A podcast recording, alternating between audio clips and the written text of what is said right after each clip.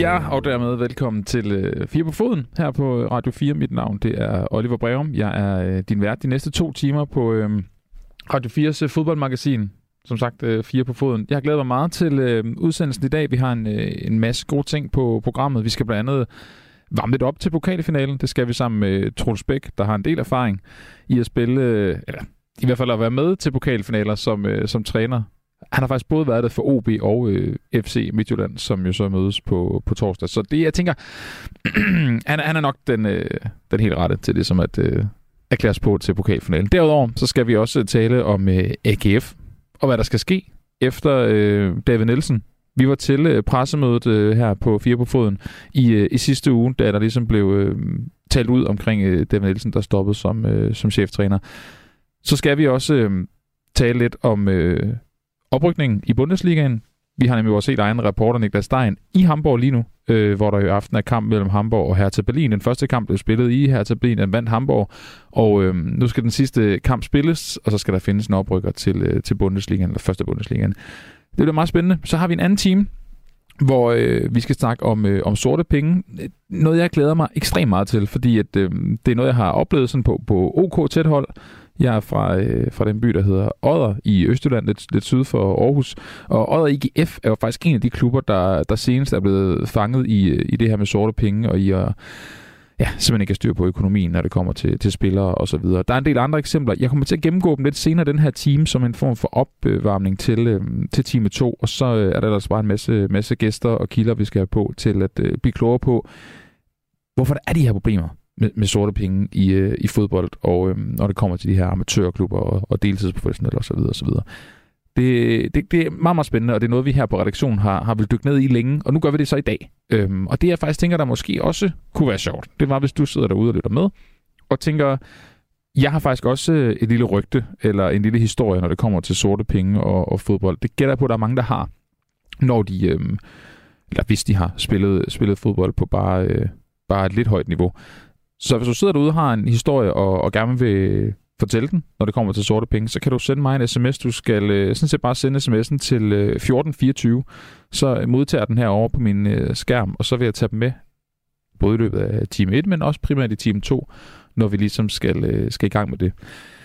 En historie, som jeg også lige blev nødt til at vinde, og som vi rigtig gerne vil have talt om her på øh, Fire på Foden, det var øh, den øh, baneinvasion, der skete et øh, par gange, har jeg lyst til at sige, i, øh, i parken i går, da FCK vandt guld. Det er jo øh, dagen efter, at Superligaen ligesom er afgjort. Det blev FC København, der blev mestre, med Jylland på andenpladsen, Silkeborg på tredjepladsen, hvilket stadig er surrealistisk at sige højt, at Silkeborg har vundet bronze.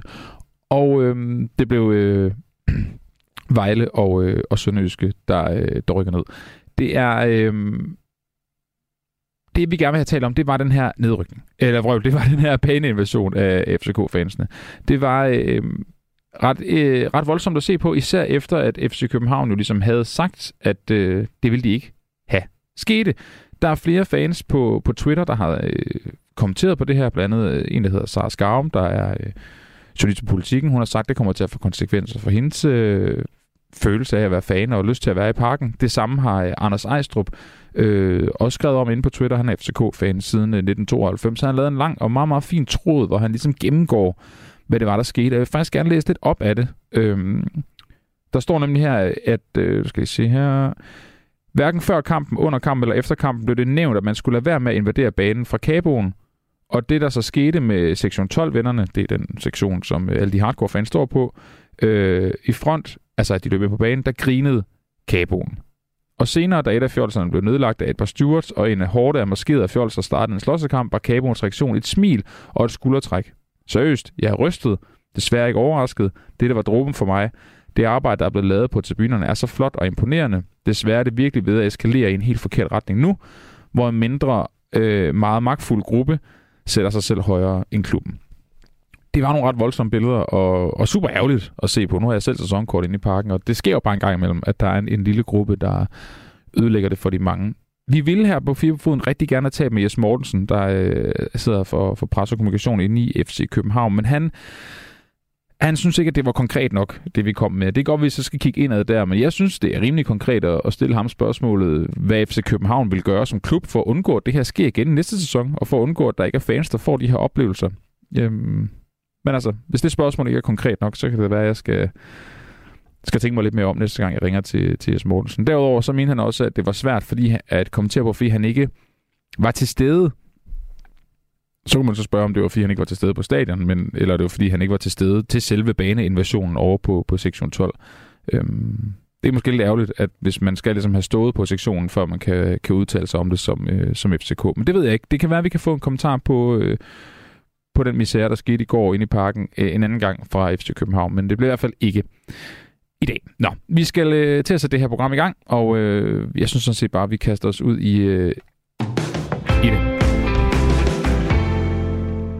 Det første, vi skal snakke om, det er nemlig optakten til øh, pokalfinalen, og øh, til det, der har jeg dig, øh, Troels Bæk, med på en telefon. Velkommen til. Tak skal du have. Og tak, fordi du kan være med. Troels, øh, jeg tænker, at vi lige kan gennemgå bare lige kort din egen sådan, historik med, øh, med pokalfinalen. Du har jo været i den som træner fire gange. Med ja. øh, OB 02, Midtjylland i 03, og så Esbjerg i både 06 og 08. Og du vælger jo faktisk at vinde den første. Jeg valgte fandme ikke at tage de andre. Nej. Det var, det var desværre ikke. Men, og, og, og ret skal være ret, og i de her tider, der skal vi jo dele passe på. Jeg har faktisk også været i pokalfinalen uh, som træner med Jossa Eos kvinder. Okay, godt. Der tabte vi også. Nå, der tabte du okay. Også. Ja. Og så har jeg så været med som sportsdirektør tre gange i, i pokalfinalen også. Der valgte vi så kun at vinde, vinde den ene, så jeg har sådan lidt tvidt tvetydigt med de her pokalfinaler. Stor festdag, men det går nok ikke så tit, det er mig, der har fået lov at leve med festen. Nej, men du har selv prøvet det. Det havde været trist, hvis det var rene nederlag, tænker jeg, Troels. Nu, øh, nu, men det lyder også til, at du er den rette til ligesom at tale om både, som du selv siger, stemningen omkring dagen, men også hvad det måske er for en kamp. Og nu har du så været både i, i OB og øh, FC Midtjylland. Øhm, til at begynde med, kan du ikke lige sætte nogle ord på, hvad pokalfinalen er for, for, for klubberne? Altså, for klubberne, for spillerne, for mange af os, som ikke er landsholdsspillere, så er det jo reelt det nærmeste, vi kommer i en landskamp. Altså, det er den eneste kamp på dagen i dansk fodbold, der er fuld opmærksomhed fra både publikum, medier, altså fodbold Danmark, der er skudt da endda med, som oftest nationalmelodi, der er også relativt tit en minister på banen, og på den måde så er det jo en, en, en særlig mærkedag for både dansk fodbold og for mange af os, som ikke får lov at spille med landsholdet. Det kommer, at det jo øh, markerer jo sæsonafslutningen på mange måder. Vi har, udover den ingen turnering på kældsturneringen, så er det i år i hvert fald den sidste kamp. Ej, jeg ved godt, der er playoff om Europa på søndag, men ellers så er det også sæsonens sidste kamp, og det er det i mange lande. Og endelig så er det jo på den tid over, hvor der næsten altid er solskin. Det kan jeg i hvert fald huske de få gange, jeg vandt, der var der solskin. Det kan være, det, det, kan være, det spillet ind på vejret også. Måske har de regnet de andre gange, du har tabt? Ja, det, jeg kan dårligt huske det. Nej, okay. Ja, den, ene gang, den ene gang har det, tror jeg. Men ellers, ej, altså, det er jo det er en festdag, og det er jo tit både med sol og, og flag og, og, og stemning. Så, så, og især for os, der kommer fra provinsen, så det at køre på tværs af landet med øh, uendelig mange fanbusser, som man enten overhales af eller overhaler selv på vej over det, det er, og det er stemningsfuldt. Der er også noget magisk over, synes jeg, når, nu, når det har været i, øh, i hovedstaden i parken i Københavven, at, øh, at hovedstaden er blevet farvet i andre farver end, øh, end hvid og gul, som jo er de oftest de farver, man ser rundt omkring i byen. Ja, det, det er enig med dig Jeg husker med Midtjylland, jeg var træner, da Midtjylland kom i sin første pokalfinale, og vi lavede jydefest i Fælledparken. Altså, innovativ som, som Midtjylland jo er. Og det var, det var en ny måde at indtage byen på. Det var ikke de sædvanlige enten hvide eller gule farver. Der var, der var smæk på sort og rød. Øh, Troels Bæk, jeg vil godt tænke mig at høre, hvordan adskiller sådan en, en finalekamp sig fra, lad os sige, en, en afgørende kamp om mesterskabet, eller en afgørende kamp om at undgå nedrykning i, i slutningen af sæsonen? Altså, der er der mange lighedspunkter. Det er netop den ting, at, at øh, når man kører over, så, så um, alt på spiller, når man kører hjem, så har nogen vundet. Det er ikke sådan en, du ved, der er en uge igen, øh, kamp igen i næste uge. Og, og det gør, det er så meget mere intens. Det kan det også være i kampen om guld og nedrykning den dag. Selvfølgelig kan det. Men altså, Øh, det kalder jo også på en særlig egenskab øh, at kunne levere, når man skal. Øh, nu skal jeg ikke være alt for plat at snakke om, at det er sådan en vendig ting at kunne det, men i hvert fald så pointen her, det er jo, at man, at man ikke får en ny chance. Det er ikke over to kampe, det er ikke øh, med, med håndbremsen trukket. Man er nødt til at levere alt, hvad man har på dagen, og der er ikke nogen øh, bytter. Jeg, øh, jeg kan ikke lade med at tænke på, at der er selvfølgelig det konkrete, at der er medaljer og, og en pokal på spil. Øhm, så er der også et, et efterspil, kan man sige, som handler om europæisk fodbold, og måske nogle, nogle pengemuligheder der, og så videre. Altså som, som træner, og, og måske også som, som i forhold til din kontakt med spillerne, hvad fylder så mest? Altså er det, er det den der prestige, der er øh, i, i at vinde selve kampen, selve finalen, eller er det, er det også det, der kommer og kan, kan følge med? Altså, det, det tror jeg er det sidste, altså konsekvenserne af det, det er mest for dem af os, der har for god tid på dagen. Altså journalister og tilskuere, sportsdirektører, som jeg også har prøvet jo. Øh, og det der konsekvensberegne på fodbold, det er jo et privilegie, som kræver, at man ikke selv er involveret 100%. Fordi ellers er fodbold jo faktisk, synes jeg, i sin berettigelse, både som tv-produkt, hvor det jo i øvrigt er den sidste, der sådan, sidste vare, der berettiger den, den skal vi sige, flow tv, fordi vi er det eneste ferske produkt, der er tilbage, altså hvor man ikke kan få nogen til at sætte og streame det tre dage senere, eller bare halvanden time senere. Og hvis ikke, hvis ikke man er så opslugt af det ene øjeblik, det er nu og her, og derfor så er kampe, der afgør hele turneringen på én kamp, ekstraordinært interessante. Fordi hvis det er det der, hvor vi virkelig viser, hvad fodbolden kan. Så alt nærvær omkring det, og så kan konsekvensberegningerne bagefter komme, altså på økonomi, og hvem man så engang kan få at møde i Georgien på en lidt for dårlig bane i, i juli måned. Som, som træner, Truls Bæk, er, det så, er, er man så ude i sådan noget, en, øh, en tale, sådan ala Al Pacino i Any Given Sunday-filmen, altså hvor du bare fyrer den øh, helt af, inden, øh, inden spillerne skal ind til kampen? Den kan jeg da godt have holdt den tale, den er da altså ja. nice, men om det havde ført til andet end overdrevet spændingsniveau, det ved jeg selvfølgelig ikke noget om, fordi det er jo det, det kræver for sådan en dag, synes jeg, som jeg kender det, det er, at man, man kender sit materiale, det er både, hvad kampen betyder, men også, hvad spillerne kan. Hvad kan de med- og modganger? Og, og det, jeg tror, at man skal holde en tale, der gør træneren udødelig, det vil godt nok være ærgerligt og misforstået, for det drejer sig i et og alt om, om spillerne, og de er så forskellige, som de er i antal. Og det skal man altså, det skal man kunne rumme, i stedet for at tro, man har sådan en one-fits-all-tilgang. Så er der jo også det her øh, udtryk pokalbold, øh, som, som jeg ikke ved, om, om faktisk er en, er en rigtig ting, eller det bare er fordi, at det, det er netop knald- eller faldkampe, der, der ligesom øh, gør det. Men, men er der et særligt fokus på taktikken inden, inden en pokalfinale, modsat en, en, øh, en Superliga-kamp? Altså, der er jo det faktum, at den kan gå hen og vare 120 minutter plus det ekstra, ikke? Og, øh, og jeg kan da konstatere, at jeg også som træner har nået at tænke lige så meget over, hvem jeg gerne vil slutte kampen med i det i den bevidsthed om, at det også skal betyde, at det er dem, der skal fortsætte en halv ekstra time. Øh, så, så der er der en taktisk variation, som, som en, øh, sådan en, en seriekamp, en, altså ikke en fodboldserie, men altså, når man har en i en turnering, hvor der er flere kampe i serie på det. Så derfor så det der en kamp, og så slut, kalder også på en lidt anden tilgang, synes jeg.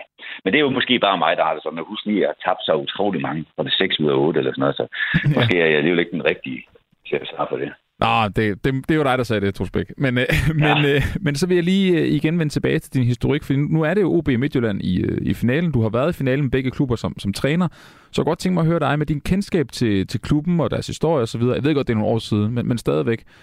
Hvilken af klubberne øh, tænker du trænger mest til, øh, til at få sådan en pokal, pokalfinale sejr? Jamen, det er jo det, der er det fede ved ikke at være involveret. Det er, så kan man tillade sig sådan et spørgsmål. For der er jo ikke nogen af stederne, at de synes, det er sgu fair nok, hvis de andre vinder, Nej. de trænger bedre. Det, men, men, men altså, der er ingen, for mig er der ingen tvivl om, at øh, altså, da, da, jeg var med Midtjylland i pokalfinalen, der var det jo one time wonder, hvad hedder sådan noget. Det var første gang nogensinde tænkte sig at bare være i finalen. Det var godt. Men med OB, der var det sådan lidt mere, ej, nu, nu trænger vi også snart til at vinde nu, tror jeg, her nogle 20 år efter, eller hvor mange der var gået, ja. så tager der for mig til ingen tvivl om, at en pokalfinale-sejr for OB vil være en kæmpe triumf og et øh, skilt, en retningsgiver mod det næste og det nye, de skal kunne levere. For, for Midtjylland vil det være plaster på såret. Ja, okay. Ja, altså du tænker, det er OB, der har mest brug for det? Ja, det, det, det tør jeg ikke sige, fordi jeg tror, ja, okay. at Midtjylland, de synes, de virkelig trænger til det, men, men jeg tror, at den, den, den impact, det kan have, vil være større ja, okay. i Odense okay. end i Herning. Hvad med sådan noget som, øh, som byerne? Altså, hvad, hvad, hvad betyder det for en by som Odense, at du vendte hjem sammen med spillerne med, med pokal? Oh, jamen, altså, det, nu er det jo en klub, som havde på det tidspunkt ikke vundet noget i, i en hel del år, altså faktisk, uha, nu skal dårligt huske, altså et år 10 eller mere. Men, øh, og det gjorde også indtryk på byen, og jeg husker da festen og det fællesskab, som jo er tydeligst, når man vinder. Men, men jeg vil så også sige, at altså, det at, at vinde er uanset hvilken klub man er i, og især i hvilken provinsby, med til at samle en by eller en region langt mere, end man vil opleve det i, øh, i hovedstaden. Og hvad så med, øh, med Herning? Nu sagde du, det var, altså, det var at første gang, de var i, var i finalen. Der, I tabte den så, desværre jo. Men, men, men var der nogen reaktion fra byen der, efter at jeg havde klaret den præstation? Altså, de var, der var en kæmpe reaktion op til finalen. Ja. Jeg tror ikke, der var så mange, der havde travlt med at Ja, det ved jeg jo ikke. Altså, der var jo et utroligt langt hjem. Altså, Ja. sjældent, sjældent har Herning ligget længere på landet end i forhold til København, end den gjorde den aften. Men øh, jeg, jeg vil tro, at, øh, at det at være der, altså det at have fælles tur og fælles fest derovre, stadig står for mange øh, herningenser som, som en meget stor dag. Øh, nu har de så haft en hel del af dem siden, og også bevist, hvor stor en klub det er blevet i dansk fodbold. Men altså, det at samles som en flok om et fælles projekt, det gælder jo på tværs af arenaer, men i fodbold i særdeleshed er også med til at samle øh, regioner og, og byer. Og så Troels Bæk, lige her til sidst, inden jeg, inden jeg slipper dig. Nu har du været i begge klubber, og så videre, så videre. Er der banker hjertet særligt for en af klubberne på, øh, på torsdag kl. 15, når, når finalen går i gang?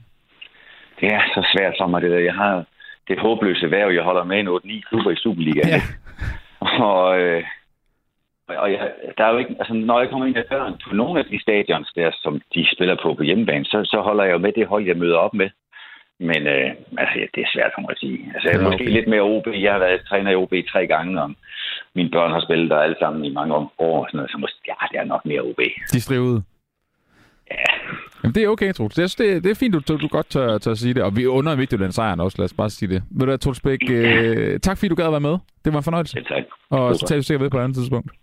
Her vi nok. Og så skulle jeg egentlig gerne have haft en jingle på. Jeg ved ikke lige, hvorfor han ikke gider spille. Den kommer der. Altså, øh, Troels Bæk, tidligere træner for jamen, et hav af Superliga-klubber, og så blandt andet OB Midtjylland og Esbjerg, som han har været i pokalfinalen med, og vandt den tilbage i øh, 2002 med OB. Nu skal vi øh, videre til øh, indslaget om øh, AGF lørdag. Der spillede AGF deres øh, sidste kamp med David Nielsen som øh, cheftræner ovenpå et ja, hvad skal vi sige, mildt sagt elendigt, måske forår, der øh, skabte minder om tidligere sæsoner, hvor det jo så rent faktisk er blevet til nedrykning. Det undgik de så den her gang, men øh, nu det betyder så altså, at David Nielsen ikke længere er træner i klubben. Det var kun lige akkurat, at klubben undgik øh, nedrykning. Jeg tror, der er mange, der tænker, at hvis øh, sæsonen havde været øh, ret mange kampe længere, så var det gået øh, galt. Det gjorde det ikke. Det her er godt for, for klubben, at de undgik det. Nu skal der ske noget nyt.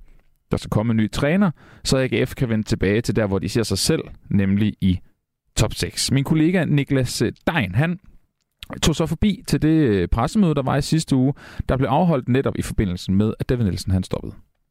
Mandag aften, øh, der mødtes vi fire, jeg sidder her, David Stig, Jakob og mig, hjemme hos mig på Flakvej i Rigskov.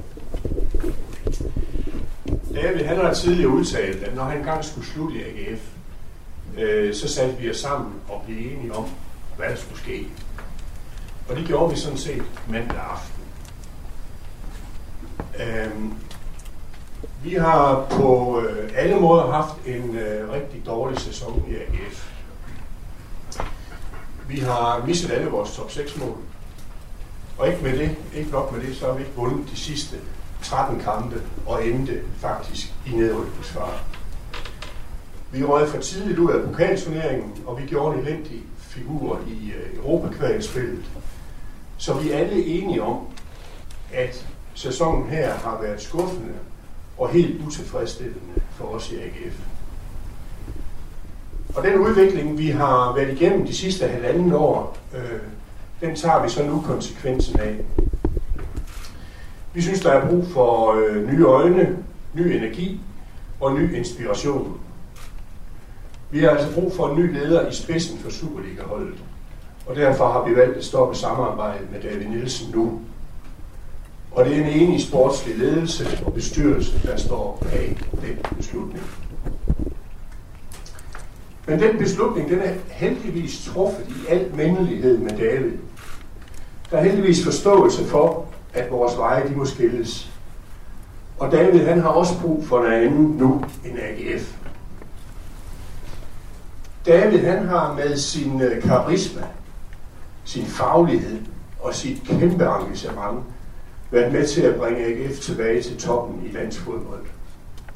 Og udover den sportslige fremgang, øh, vi har fået, har han også en stor, stor andel i, at der er skabt endnu stærkere bånd mellem Aarhus og AGF.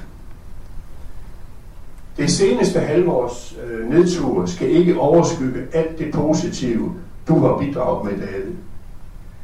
AGF har rigtig meget at takke dig for. Jeg ved måske, at det er måske ikke helt almindeligt at gøre det, øh, det her på i den her sort-hvide verden, vi er i i fodbold. Men David, du er heller ikke helt almindelig. Og det er AGF heller ikke. Og det er faktisk derfor, jeg synes, vi har passet rigtig godt sammen. Så med de ord, David, tak for din kæmpe indsats i AGF til dig og din øh, dejlige familie. Og god vind fremover. Jeg kom øh, ind ad døren her øh, i øh, oktober måned 2017. Og øh, hver dag, inklusiv i dag, øh, inklusiv de sidste 13 kampe, der har jeg stået op med smil på læben og øh, elsket at være øh, træner for AGF Aarhus. Det kan godt være, at jeg er farverig, øh, vil nogen sige, både i udseende og, øh, øh og, og når jeg siger et eller andet, så er det, øh, så er det alligevel mig som træner, som er en, en øh, stedig rad, og, øh, og jeg har også altid haft en, øh, en god organisation og en god defensiv på min fodboldhold. Øh, men der var ikke nogen tvivl om, at øh, min tanker og min, øh, om, hvordan det her hold skal spille, det, øh, det harmonerer ikke længere med, hvor, øh, hvad der er vigtigt for AGF i årene fremad. Det er ikke at lykkes med, det er at spille mod nogle rigtig dårlige hold. Det har jeg været så dårlig til, med den måde, vi har gjort det på. Fordi vi har manglet nogle ting i vores spil. Så beslutningen, den er selvfølgelig øh, 100% gensidig. Øh, også på det faglige del, hvor jeg mener, at AGF har behov for, at der kommer en træner ind, sparker døren ind og siger, nu spiller vi sådan her. Det har spillerne behov for, og det har klubben behov for. Så det er, det er vigtigt.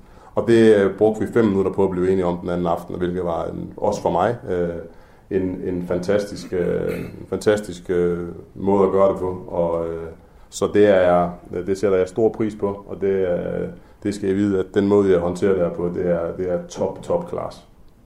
Jeg gik fra at være at tænke, oh, hvor, jeg gik fra at tænke, da vi mistede top 6, ja, nu skal vi nok, øh, nu skal vi nok bare mere end spille godt, eller for ellers så kan det her godt blive svært. Øhm, så gik jeg og tænkte, okay, kan det her være, kan det være, er det svanesangen nu, øh, i det her halvår her? Jeg, jeg tror faktisk, hvis vi havde kommet i top 6 og tabt alle kampe i top 6, så havde det også været rigtigt. Det havde også været rigtigt, at jeg stoppede nu. Så, så det er, øh, det er ganske enkelt mange ting. Det er min tanke om spillet, og det jeg har, også den fortid, det vi har lavet her, den måde vi har spillet på. Øh, det vil jeg måske kunne genskabe en lille bitte smule af, men vi vil jo ikke kunne tåle at komme ud i næste sæson og, øh, og øh, løbe og prøve og så spille noget energisk fodbold, og så tabe de to første kampe. Det vil være fuldstændig uansvarligt at, at stå i den situation, så vi trækker den her krise her over i en ny sæson. Det kan ikke lade sig gøre. Det er fuldstændig nemt. I kan også se det, jeg kan se det. Jeg tror ikke, der er nogen her, der ikke kan se, at det, er, det er rigtigt. Det er til David. Øh, du siger, at din energi er brændt ud. Hvorfor? Øhm, jeg, siger, min, jeg siger, at den ild, jeg kommer ind med, øh, den, er, den er vigtig, og den er også vigtig for mig. Og øh, efterhånden som skuffelserne i denne sæson her, de er blevet større og større, så er vi kommet rigtig langt væk fra det hold, som øh, jeg også gerne selv vil have. Jeg vil gerne have, for mig så skruer jeg altid tiden tilbage. Det er ikke så lang tid siden, vi havde et hold, der kunne rejse rundt og slå tænderne ud på hvem som helst. Øh, selv de allerstørste klubber. Og derfor så er det også, øh, der ligger også noget, når man så ser holdet have problemer, vi slider med at vinde kampe til sidst, så tænker man, at man kommer længere væk, længere væk fra der, hvor man gerne vil være, og hvor man gerne vil have holdet. Øhm, så til sidst, så er, det jo, så er man så langt væk fra det, at, øh, øh, at det selvfølgelig også øh, præger min motivation. Øh, jeg blev træner i, i 2011-2012, og hver sæson har jeg kørt. Jeg har ikke haft, øh, jeg har ikke, jeg har ikke øh, være så heldig eller uheldig at få et break på et tidspunkt, hvor man lige har kunne samle sig øh, og få nogle nye tanker og idéer. Så min idé om, hvordan mit hold skal spille, hvad for en mentalitet der skal være, øh, den, øh, den trænger også til at blive opdateret. Og det, øh, det gør jeg bedst ved at bruge tiden nu på at få, øh, få opdateret, få reflekteret over, hvad der er, der sker inde på banen lige nu, hvad for et spil, der skal spilles. Øh, og det er lige så vigtigt for mig, som det er for AGF, at vi, øh, at vi skilles. Det kan også være, at jeg ikke kan opdatere mig. Det ved vi jo aldrig. Hvis, øh, men altså, det, jeg øh, glæder mig til at, jeg glæder mig til at få en, et break, og øh, jeg glæder mig også til at komme ud og blive øh, nysgerrig inspireret igen. Jeg har rigtig mange kontakter i fodbolden, som jeg ikke har plejet i 10 år. Øh, og øh, ja, jeg har også lidt, jeg lige skal have. Jeg, jeg, jeg, da vi taber ned i Vejle, der ringer jeg til min bror og siger, og jeg melder afbud til min nervøs øh, konfirmation dagen efter. Og det, der kigger jeg lige mig selv i spejlet en gang, da jeg kom hjem og tænkte, hvad, hvad, hvad foregår der egentlig lige nu? Så, øh, så jeg tror, jeg tager min nevø med i øh, Djurs sommervand her en af dagene. Øh, hvornår besluttede du, øh, skulle I, at, at øh, Dan Nielsen skulle fyres?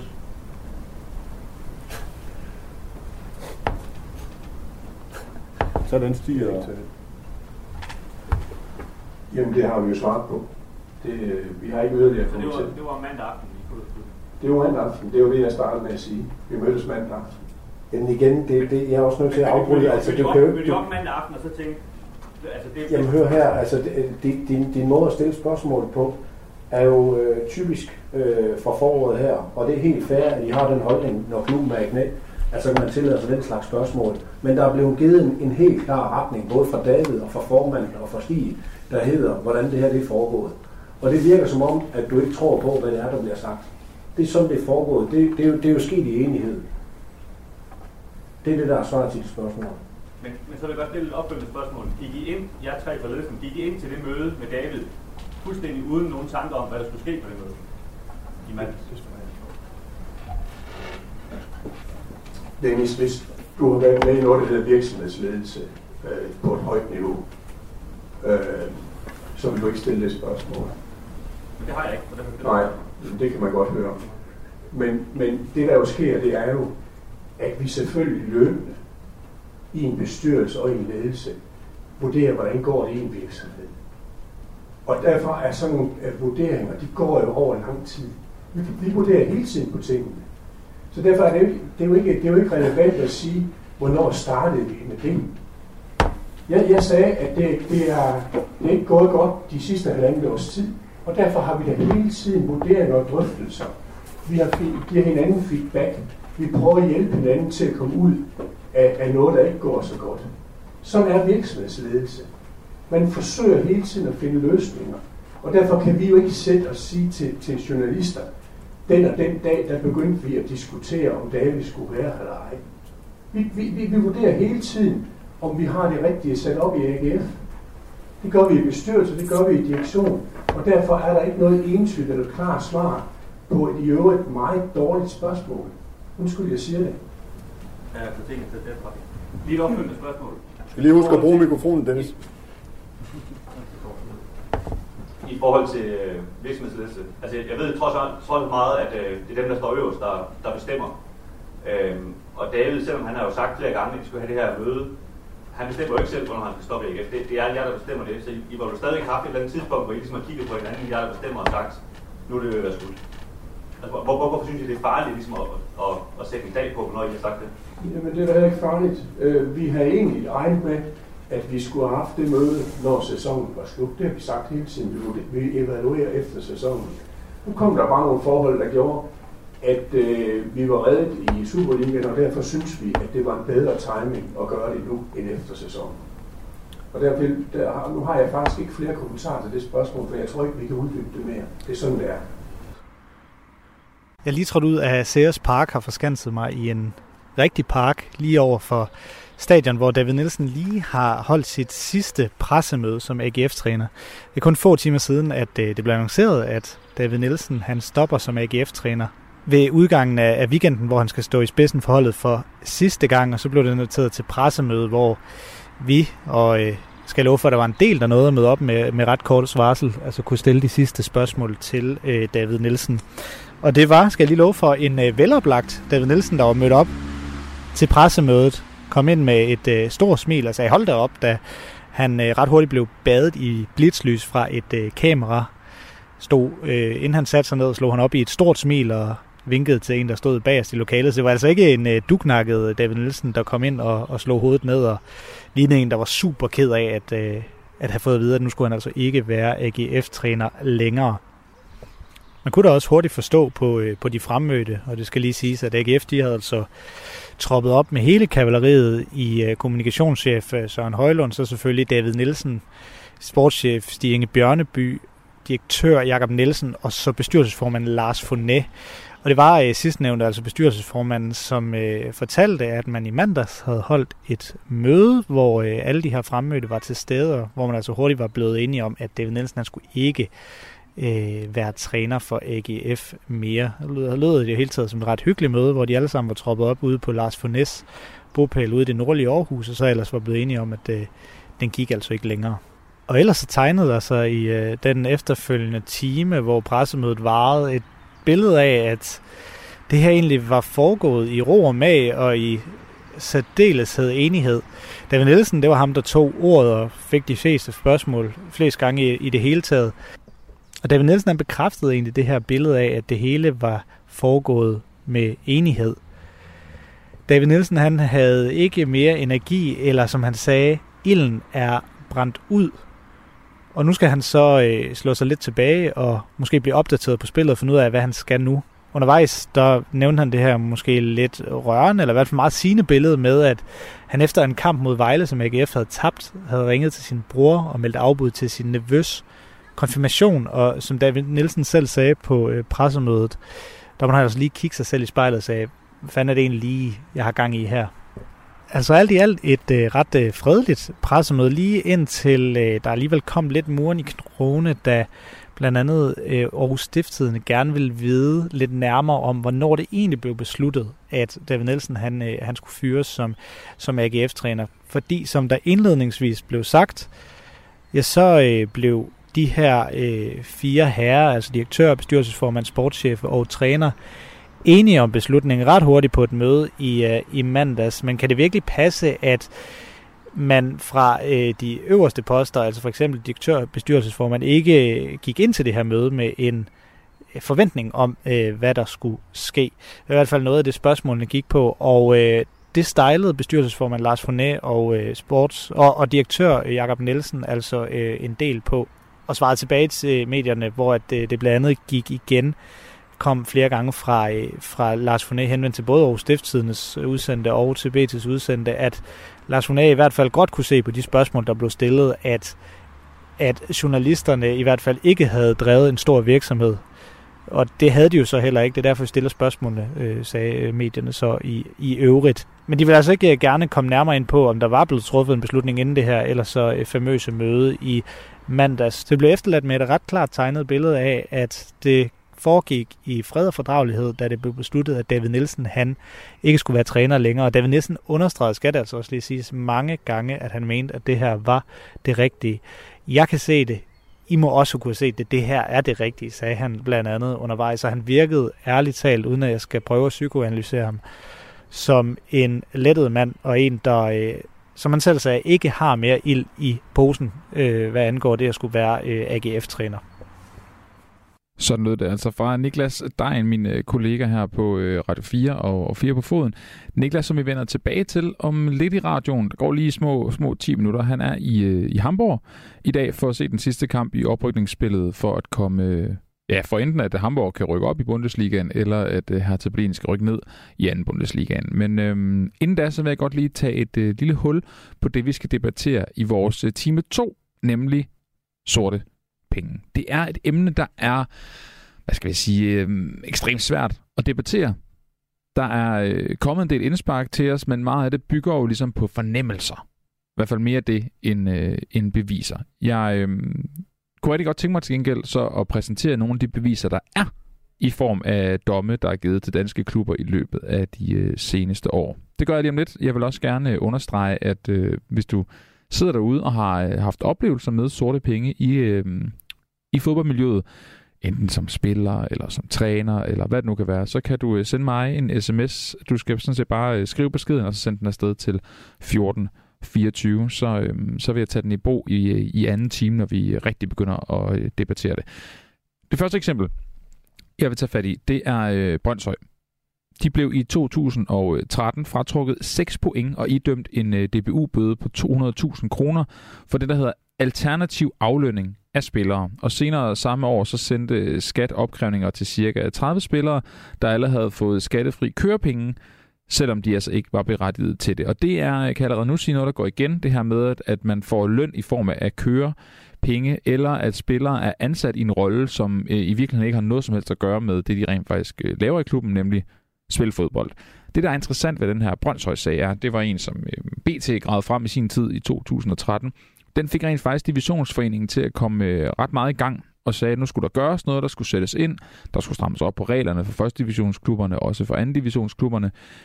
Det, der så bare er sket, det er, at nu, som du kan høre, kommer jeg så med en del eksempler, der kommer efter 2013. Så øh, man kunne godt stille spørgsmålet, om, øh, om reglerne er blevet strammet nok, eller måske rigtigt. Det næste eksempel, jeg har med, det er nemlig fra 2016. Det var øh, i Middelfart. Det var deres tur til at blive øh, straffet. Ifølge øh, fodboldens disciplinærinstans, så øh, var det dokumenteret, at spillere, der var registreret som scouts, reelt modtog betaling for at spille fodbold i klubben for et beløb i størrelsesordenen 2 millioner 113.000 kroner fra 2012 til 2015.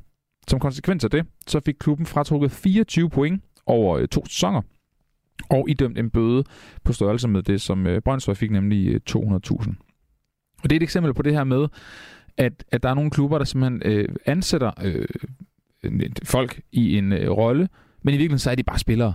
Så går man simpelthen ind og siger, øh, du er scout hos os, og så kan du så bare spille øh, i stedet for, og så på den måde, så kan du ligesom få en løn. Og det er jo så fordi, hvis man ikke er en professionel klub, deltid, fuldtid, og man er amatør, så må man jo simpelthen ikke aflønne øh, spillerne. Det næste eksempel, det er det, der kommer tæt på for mit vedkommende, for det er den klub, som øh, jeg selv har spillet i som øh, barn. Jeg har også været træner i klubben i, i rigtig mange år, og det er Odder IGF. I 2017 så kom turen til dem. Skat øh, viste sig nemlig, at der var 26, eller det viser nemlig, at der var 26 spillere, som var opført som assistenttrænere, eller trænerassistenter. Men ifølge undersøgelsen her, så øh, var deres primære funktion i klubben altså at være spillere på førsteholdet. Det betød, at AGF blev fratrukket 12 point, og idømt en bøde på 100.000 for den øh, skattefri aflønning af spillerne, øh, der nu også har fået en, øh, en straf for fodboldens dis- disciplinære indsats. 10 spillere i AGF modtog en øh, bøde på 5.500 kroner eller 2.500 kroner, mens yderligere 11 spillere slap med en advarsel. Og det er jo interessant for mig, fordi det er den klub, jeg ligesom har været i. 2017 er, er, er nogle år efter, jeg ligesom stoppet med at have noget med, med klubben at gøre. Øh, men lad mig sige på den måde, i, øh, det kom da ikke sådan super meget bag på mig, at, øh, at der fandt sådan noget her sted i, øh, i året ikke, for den sags skyld heller ikke i, øh, i nogle af de andre klubber. Det er ligesom øh, tre hvad kan man sige, meget øh, konkrete cases, som vi har. Det jeg så gerne øh, vil gøre, eller det jeg kommer til at gøre her i, øh, i den anden time, når vi begynder, det er, at jeg kommer til at tale med Steffen Dam om det her. Og Steffen Dam, han er sportschef i øh, Frederiksbergklubben FA 2000. Øhm, og jeg skal måske lige sige med det samme, det er ikke fordi, at, at FA 2000 er, er blevet fældet for at have gjort noget lignende i forbindelse med, med sorte penge, men, men han har bare et ret godt kendskab til øh, divisionsklubberne både i anden division og, og, og længere nede. Og øh, det bliver bare sjovt at høre hans take på det her, om det er noget, han oplever, øhm, når der skal handles, hvis der skal handles øhm, med spillere, eller spillere skifter fra den ene klub til den anden. Vi skal også tale med, med et par andre divisionsklubber længere nede, en Serie 1-klub, blandt andet fra, øh, fra Odense. Det bliver rigtig, rigtig spændende, og, og det vi ligesom gør i, i løbet af, af Team 2 er ligesom at, at høre folks historier, og hvad de har oplevet, og derfor så vil jeg selvfølgelig også gerne have dit input med, nemlig. Så, øh, så send mig som sagt gerne en sms til, øh, til 1424. Hvis du i løbet af din øh, fodboldkarriere, gloværdig eller ej, har, har oplevet øh, sorte penge i forbindelse med, øh, med, at du har været ja, spiller i klubben, træner i klubben, ungdomstræner, hvad det nu kan være. Vi har også øh, Claus Thomsen på fra Divisionsforeningen. Min, øh, min gode kollega Mads Skåning har, har lavet et interview med ham. Det kommer vi også til at spille i time 2. Ligesom at Mads Skåning også har talt med Odder IGF. Øhm, jeg tænkte, det var bedst, Mads gjorde det, nu hvor jeg er lidt øh, farvet af, at det er min helt egen barndomsklub og, og bredde klub, som jeg som sagt både har øh, spillet og trænet i. En skøn klub, vil jeg sige udover det. Det skal selvfølgelig være med at snyde øh, og gøre noget, man ikke må, men øh, det er også meget sjovt at spille fodbold der. Nå, nu øh, synes jeg, vi skal gå videre til øh, det sidste emne i øh, den her første time af Fire på Foden. Det skal nemlig handle om øh, tysk fodbold, og det øh, skal handle om oprykningen til Bundesligaen. Hamburg er holdet fra anden Bundesligaen, der ligesom skal øh, tage sig af at få øh, tage sig af Hertha Berlin for at se, om de kan rykke op. Hertha Berlin er holdet fra øh, Bundesligaen, den første Bundesligaen, der skal sørge for, at øh, de kan blive oppe. Det, der er interessant, udover at det er en, øh, en fed kamp og en fed måde at gøre det på, vi kender det også fra Championshipen, øh, når der skal øh, rykkes op til, øh, til Premier League, det er jo, at det er et hold fra Bundesligaen og et hold fra anden Bundesligaen, der ligesom så skal kæmpe om, øh, om den her sidste plads. Jeg synes, det er en ret fed måde at, at gøre det på. Noget andet, der også er interessant ved det, er jo, at øh, der faktisk er danskere i spil på begge hold. Vi har øh, Oliver Christensen i, øh, i målet hos Hertha Berlin, og vi har øh, Mikkel Kaufmann på, i angrebet hos, øh, hos Hamburg. Øhm, Oliver i målet lavede jo, altså jeg ved ikke om det er et drop, det kan vi måske faktisk diskutere med Niklas, øh, når han er på lige om lidt, om, om det var det. Jeg ved, han, han fulgte med i den kamp også. Øhm, men omvendt Mikkel Kaufmann har jo øh, faktisk haft et par ret fine kampe i løbet af sæsonen, og nogle gode indhop, hvor han også har fået, fået scoret nogle mål, som, øh, som lejesvend fra, fra FC København. Men øh, jeg håber sådan set, at øh, Niklas er ved at være øh, klar på en, øh, en linje. Jeg kan lige se, om du er med her. Niklas, er du med mig her? Jo, prøv lige at snakke lidt mere. Jeg ja. skal lige have skruet lidt ned for min her. okay, jeg snakker lidt mere, Niklas. Øhm, Niklas er taget til Hamburg i, øh, i dag. Han skal ind og se kampen. Øh, ja, som sagt, godt. Dejligt, Niklas. Øhm, nu vil jeg lige høre, hvor du er henne først nu, Niklas. Øh, jamen, jeg er øh, i øh, Altona, øh, en bydel af Hamburg, hvor jeg lige er landet. Øh, jeg skal ikke kunne sige, om det er på grund af kampen, eller øh, på grund af et øh, ret hæftigt vejarbejde, men der var øh, der var godt gang i byen øh, for at komme ind her, her til midten. Men jeg, jeg er faktisk øh, i det, det må næsten være det vestlige øh, Hamburg, hvor at jeg så småt er på vej ind til øh, kender, øh, det, som kender af Hamburg vi kender som en ikonisk gade, Reberbahn, hvor jeg har øh, fået at vide af nogle øh, inkarnerede Haas fagfans, at det altså er øh, the place to be lige her et par timer inden kampen. Ja, der det er, er jeg på vej hen. Skønt. Der er jo netop et par timer til, øh, til kampen går i gang. Niklas, vil du ikke lige prøve at fortælle, hvad din sådan, øh, forkromede plan er, hvis du har sådan en for, øh, for hvad du skal ned og opleve, og hvad du, hvordan du gerne vil, øh, vil dække det? Jo, det kan du tro. Øh, jeg skal først, som sagt, dagen på Reberbarn har fået at vide, at der skulle være en ret legendarisk pop, der hedder Tankstelle Sports Pop. Øh, jeg gør mig ikke nogen forhåbninger om at kunne, øh, kunne komme ind. Øh, det skulle være sådan en ret autentisk lille, lille, lille pop, hvor at, de mest inkarnerede fans holder til, inden de smutter ud mod stadion. Men det vil jeg lige opleve at se, hvor mange der er nede i Reberbarn gaden, den her meget legendariske festgade. Og, øh, og så jeg har egentlig bilen med hernede, men, men jeg har egentlig ombestemt mig lidt. Jeg, jeg tror sgu egentlig bare, jeg, jeg, jeg er sådan, hvad kan man sige, Øh, go with the flow øh, dernede fra. Prøve at hoppe øh, ombord i nogle fankaravaner eller et eller andet, se hvordan det egentlig er som House Farve-fan og øh, tage turen inden fra centrum og, øh, og så ud, øh, ud til stadion. Så jeg ligesom kan få den mest autentiske øh, oplevelse af det i dag. Fordi hvis der er en dag, hvor man skal opleve øh, hvad kan man sige, fankulturen her i Hamburg, så må det næsten være i dag, hvor de kan rykke op i Bundesligaen ja, for, for første gang. Altså det er selvfølgelig ikke første gang, at de vil, vil, vil komme op i, i Bundesligaen, men det er jo første gang, at de egentlig spiller om oprykning øh, til Bundesligaen. Så, så jeg går efter det autentiske, tror jeg, man kan sige. Og jeg tror, de fleste, der bare følger minimalt med i fodbold, kan jo huske, da uret blev nulstillet inde på stadion, da de, da de rykkede ned fra, fra Bundesliga ned i anden Bundesliga, og det var jo en... Jeg har flere venner, der holder, holder meget med Hamburg. Det var jo en katastrofe og, og, og, en, og en skandale. Altså kan du allerede nu, nu er du lige landet, men, men har du allerede nu en fornemmelse af, hvor meget det kommer til at betyde, hvis de kan komme tilbage? Nu skal det siges, at øh, jeg øh, har heldigvis været i Hamburg og set fodbold før, så gør mig, mener, jeg har et, har et lidt godt indtryk af, hvordan, hvor, meget, hvor meget fodbold fylder i byen. Og det er jo, hvad kan man sige, altså Tyskland er jo ikke et, et, øh, et fodboldgalt land, som man kender det fra Italien, Spanien eller, eller Tyrkiet.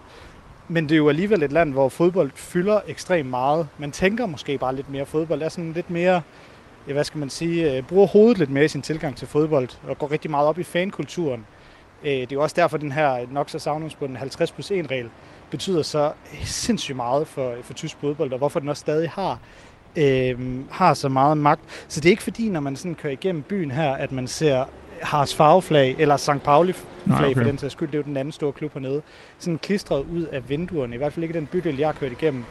Øhm, men, men, men de begynder at poppe altså selv, hvad hedder det, øh, fansen og sådan noget, begynder at poppe frem rundt omkring, øh, ser en del Haas Farve øh, trøjer, og kan, det er tydeligt at se, hvor man kan se, at de store grupper af Haas fans der kommer til udefra, så småt begynder at pible frem fra, øh, fra hotelentræer og, øh, og, og så videre.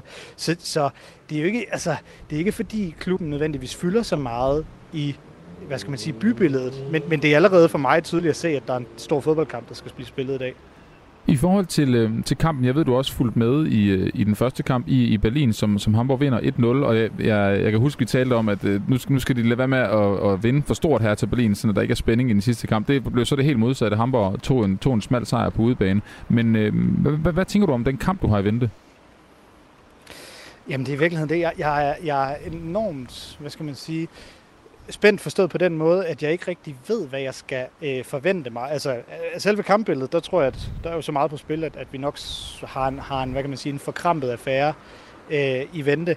Men jeg er enormt spændt på at se, hvad der sådan venter mod slutningen af kampen, og, og, og når kampen er ved at være færdig. Især hvis det lykkes øh, Haas Favre at, at køre den hjem. Jeg tror vist godt, at vi kan, at vi kan sige, at de har den ene fod i, øh, i, i Bundesligaen med den sejr på udbanen i, første, i den første kamp.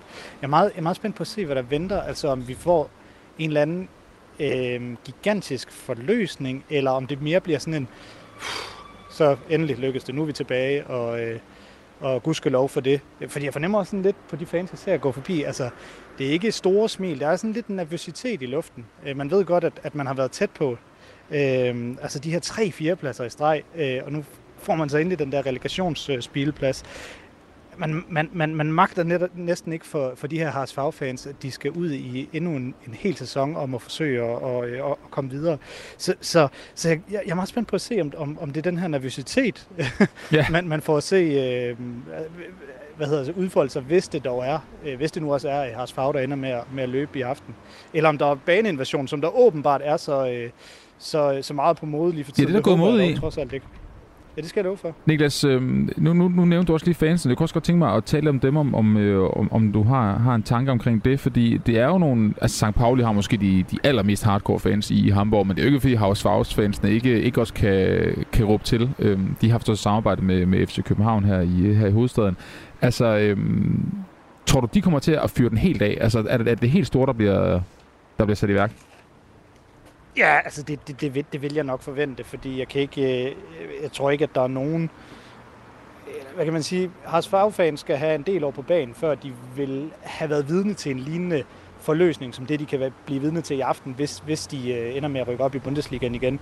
Altså vi skal jo tilbage til, til, til, til 83 og sådan noget, før de havde deres, hvad kan man sige, deres storhedstid med, med Europa, sejr i Europa koppen for mesterhold, eller hvad det hed dengang. I øvrigt, hvor øh, Felix Magath scorede øh, det enlige mål i finalen, for jo, han står jo i, i spidsen for Hertha i dag, skal lige siges. Og nu ryger alle mine uh, speaks uh, ud over det hele. Nu vi ramt af lidt af en tornado her i, Nå, uh, her i Hamburg. Uh, nej, øh, så, så øh, som sagt, jeg, jeg tror ikke, der er nogen Hamburg-fans, der har oplevet en forløsning som den, de kan opleve øh, i aften. Så jeg tror, det giver den fuld gas. Og vi så jo også den omvendte, det omvendte scene af det, dengang de, øh, hvad skal man sige, Øh, jeg så endte med at rykke ned det tilbage i 18, hvor jo øh, de var, altså, jeg kan huske, jeg så den i tv, og nu, nu bliver det bare lige frit for hukommelsen, men jeg, jeg mindes, de er, de er bagud. Det, det, det står i hvert fald klart sådan 5-10 minutter inden kampen er færdig, øh, at, øh, at, at nu, nu sker det altså, nu rykker Hamburg ned. Og, øh, og, og så øh, begynder de at kaste fyrværkeri på banen, og kampen bliver stoppet, og der er sådan, det er meget symbolsk på en eller anden måde, ikke? fordi nu, nu har de ventet længe øh, på at rykke ned, fordi det er gået så dårligt så mange år, og, og, og, og nu får de alligevel sådan lige stoppet uret, hvis vi nu skal blive ved det symboliske, ja, ja. lidt før tid ved, ved at stoppe den her kamp. Så der, øh, der, der tog det i hvert fald overhånd dengang for fansene, så, så fra den gang har de også lidt ekstra, hvad skal man sige, forløsning og, øh, og, og give slip på. Men tænker du, det ville kunne tage overhånd igen, hvis ikke de rykker op? Eller vil det så være den der, uh, okay, altså skuffelsen mere end vreden? Jamen det er jo det er i virkeligheden også det, øh, altså man kan frygte lidt, fordi øh, det, det er i virkeligheden lidt sjovt. De har jo dummet sig gang på gang de øh, foregående tre år. Øh, de lå jo i lang tid til direkte oprykning den første sæson i Schweiz Bundesliga. Billedet gentog sig året efter, billedet gentog sig så igen øh, det tredje år. Og i den her sæson har det jo egentlig været lidt anderledes. Øh, de har jo faktisk ikke haft øh, særlig mange spillerunder øh, på enten, øh, hvad hedder det, første, anden eller tredje pladsen, som giver enten direkte eller øh, oprykning eller den her relegationsplads. Jeg tror faktisk kun, de har tilbragt ud af 34 spillerunder, 6 øh, spillerunder, jeg dem frem til. Så i virkeligheden, så kommer den måske, måske, måske skal det i virkeligheden tale til, til, til fansenes fordel, at de er blevet sådan lullet lidt ind i den her relegationskamp, øh, den her relegationsspil, øh, den her gang, hvor, at, øh, hvor de, de tre foregående sæsoner jo egentlig har gået hele sæsonen, og, øh, og egentlig bare lignet en, øh, en klar oprykker, men så slipper det til sidst. Men, men, men så igen, det taler jo for, at der er en kæmpe øh, frustration, der har bygget sig op hos alle de her Haralds fagfans, og hvordan det kommer til udtryk senere i aften. Det er virkelig svært ved at spå om, men, men jeg kan næsten ikke forestille mig andet end, at, at det bliver et festfyrværkeri, enten med positivt eller negativt øh, foretegn. Nu synes jeg også lige, vi skal tale lidt om, øh, om Hertha Berlin, for det er jo også en speciel historie. Øhm, den her klub, der øh, for nogle år siden sagde, at de skulle være den store øh, hovedstadsklub i, øh, i Bundesliga. De skulle, der blev postet mange penge i klubben, men også Klinsmann var inde over. Der, der, var virkelig, øh, der var virkelig store ting på bedring. nu skal de spille for at sikre sig overlevelse, mens deres øh, lillebror, har lyst til at sige, Union Berlin, klarede det, klarede det altså absurd flot i Bundesligaen i, øh, i år. Det er også noget, vi har haft fokus på her i fire på foden. De vælger så, eller de vælger ikke, de kommer til at tabe den, øh, den første kamp på hjemmebane. Hvad er det for et hold, de kommer, kommer med, og hvad er det for en situation, de er i? det er jo i virkeligheden et, et, et meget bedre hold, end det har Favre har. I hvert fald på papiret kommer jo med, med, med nogle deciderede stjerner, altså for eksempel Kevin, Boateng, øh, Kevin Prince Boateng, som, som den sådan mest navnkundige, ikke? og øh, så selvfølgelig ham her anført af, af Felix Magath. Øh, den, her, den her træner, som mange jo nok egentlig troede var fortid i tysk topfodbold, har de her måske lidt træningsmetoder eller en tilgang til trænerfaget, som hører lidt, hører lidt fortiden til. Og, og ham her, Prince Boateng og Felix Magath, at de er beholdet på samme tid, illustrerer egentlig meget fint, at det også lidt er et, det er en rodebutik øh, på en eller anden måde med lidt, lidt farverig karakter. Øh, anførte hele det her projekt med, med ham rigmanden øh, Lars Vindhorst, som jo, hvad kan man sige, øh, også møder sådan lidt, øh, hvad skal vi sige, modstand blandt øh, resten af, af fodboldbefolkningen i Tyskland. Ikke helt i, i Red Bull RB Leipzig-skalaen, øh, men, men han har jo gjort sit til at pumpe så mange millioner øh, euro som overhovedet muligt ind i det her Hertha-projekt. Og, og, og jeg skal lige sige, at Lars Windhorst kom ind i projektet i 2019, og jo flere millioner euro han har postet jo værre er det jo nærmest bare gået. Så den, det er den her, det her store, mondæne øh, storbysprojekt, øh, der kommer med, med, med store armbevægelser og ikke rigtig så meget at have det i. Og, øh, og, og, og på den måde, altså vi snakker om, det vil være, det vil være en fiasko og en, og en øh, ja, måske nærmest en katastrofe for Haas Favre, hvis de ikke endelig rykker op i aften. Så på samme måde vil det også være en katastrofe for det her Hertha-projekt, der, der var meningen skulle ud og spille om pladser i Europa, og, og nu måske kan finde, finde sig i, i den næstbedste række i stedet for i næste sæson. Men tror du, det vil få betydning for, for pengestrømmen for de her rige mænd, og for, altså selvfølgelig får det betydning for projektet. Der er en stor forskel på at gerne vil i Europa og skulle rykke op igen fra, fra anden Bundesligaen. Men, men tror du, det vil... Øh, det vil kunne mærkes på, på selve projektet og, og, og pengene bag, hvis de rykker ned? Jeg tror ikke, at Lars Windhorst står med øvrige øh, et par hundrede millioner euro og poste ind, fordi nu har han postet 375 millioner euro, altså halvanden milliard kroner eller sådan noget, og det, det skal dog være nok til, at, at hvis man ryger ned i, i Schweiz Bundesliga, så, så skal man ryge hurtigere op igen, men, men alt tyder på, at han er en, der er, er i det for, for the long run, øh, så at sige, men, øh, men er en, der småt også er begyndt at gøre sig lidt, øh, hvad kan man sige, øh, lidt, lidt lidt uvenner med nogle fanfraktioner og sådan noget. Nyder også den her modstand blandt resten af, af fodboldbefolkningen, som jeg var inde på, som jo går rigtig meget op i den her fodboldkultur. 50 plus 1 regler, at det her det skal være fansenes klubber, og det skal være foreningslivet, der driver det bag klubberne og, og, og så videre. Så det kan godt være, at han, øh, han tænker, nå, den, det er måske det. Nu har jeg postet det penge i det, jeg gider, så, så, må, så må den klub køre sig selv. Det er sådan lidt svært at sige, øh, at sige egentlig. Han kan kaste efter Union Berlin, så. Men, øhm, det kan han sagt. Ja, men Niklas, jeg, jeg kan ikke lade med at tænke på, når det kommer til Hertha. Jeg synes også, det, det er et sjovt eksempel på det her med, at penge måske ikke gør det. Altså, at der er noget strukturelt og noget styring i en klub. Øh, måske også en spillersammensætning, øh, der simpelthen bare ikke hænger sammen, selvom man har en masse penge. Hvordan kigger du på det? Jamen fuldstændig, og det er egentlig sjovt, fordi de har også Freddy Bobic som, som sportsdirektør, som er, som er kendt og agtet som et meget, meget, meget klogt fodboldhoved i, øh, i Tyskland. Så det er ikke fordi, han har, at man ikke har fremsat, eller hvad hedder det, øh, samlet et godt, øh, et, et godt hold. Øhm, og vi så jo også det omvendte her i weekenden, hvor RB Leipzig jo endelig vandt den første pokal, den her DFB-pokal, som på mange måder øh, står tilbage som, som øh, tysk fodbold, der måske endegyldigt mistede sin uskyld. Øh, peger det i den retning? Er 50, procent, øh, 50 plus 1-reglen måske på tilbagegang? Det er sådan nogle spørgsmål, der man kan rejse øh, lige for tiden. Jeg tror ikke, hvis Hertha Berlin rykker ned, øh, at, øh, at øh, hvad kan man sige, pengenes magt i fodbold og, øh, og også i tysk fodbold øh, er på tilbagetog øh, fodboldnostalgikeren i mig vil, vil, vil, vil gerne, ja. gerne sige ja, men realisten i mig siger, siger at øh, det er det nok ikke et tegn på, desværre. Niklas, lige om lidt, så skal vi have en, øh, en radiovis, der er ikke mange sekunder til. Jeg vil lige høre til sidst, hvis vi lige lader journalisthatten ligge, ikke? Mm. Har du, er der så en, en klub, hjertet banker lidt mere for i forhold til øh, Hertha eller Hausfag? Altså, jeg, jeg indrømmer gerne, at jeg fra Sønderjylland er kommet på Wolfsburg Stadion, siden jeg var 12 eller sådan noget, så jeg, jeg vil gerne se, hvordan det ser ud hvis Haas Favre rykker op i Bundesligaen, lad mig sige på den måde. Det forstår jeg godt. Det vil også, øh, det, jeg tror, det være en stor oplevelse, når det nu også er, er deres hjemmebane, den sidste kamp skal spilles på. Niklas Stein, fornøjelse at have dig med, som altid. Øh, tak fordi du gad det, og så vil jeg bare sige god kamp og held og lykke med, med dækning af det i aften. Tusind tak skal du have. Altså Niklas Stein, min øh, fremragende kollega, der er i, i Hamburg for at dække den her oprykningskamp, eller nedrykningskamp, alt efter om det er Hertha Berlin, der trækker et strå eller Hamburg. Lige om lidt, så er det tid til en øh, radiovis, det er den, og klokken er blevet 18. På den anden side af den, der snakker vi sorte penge her i time 2 i 4 på fod. Men som sagt, først en øh, radiovis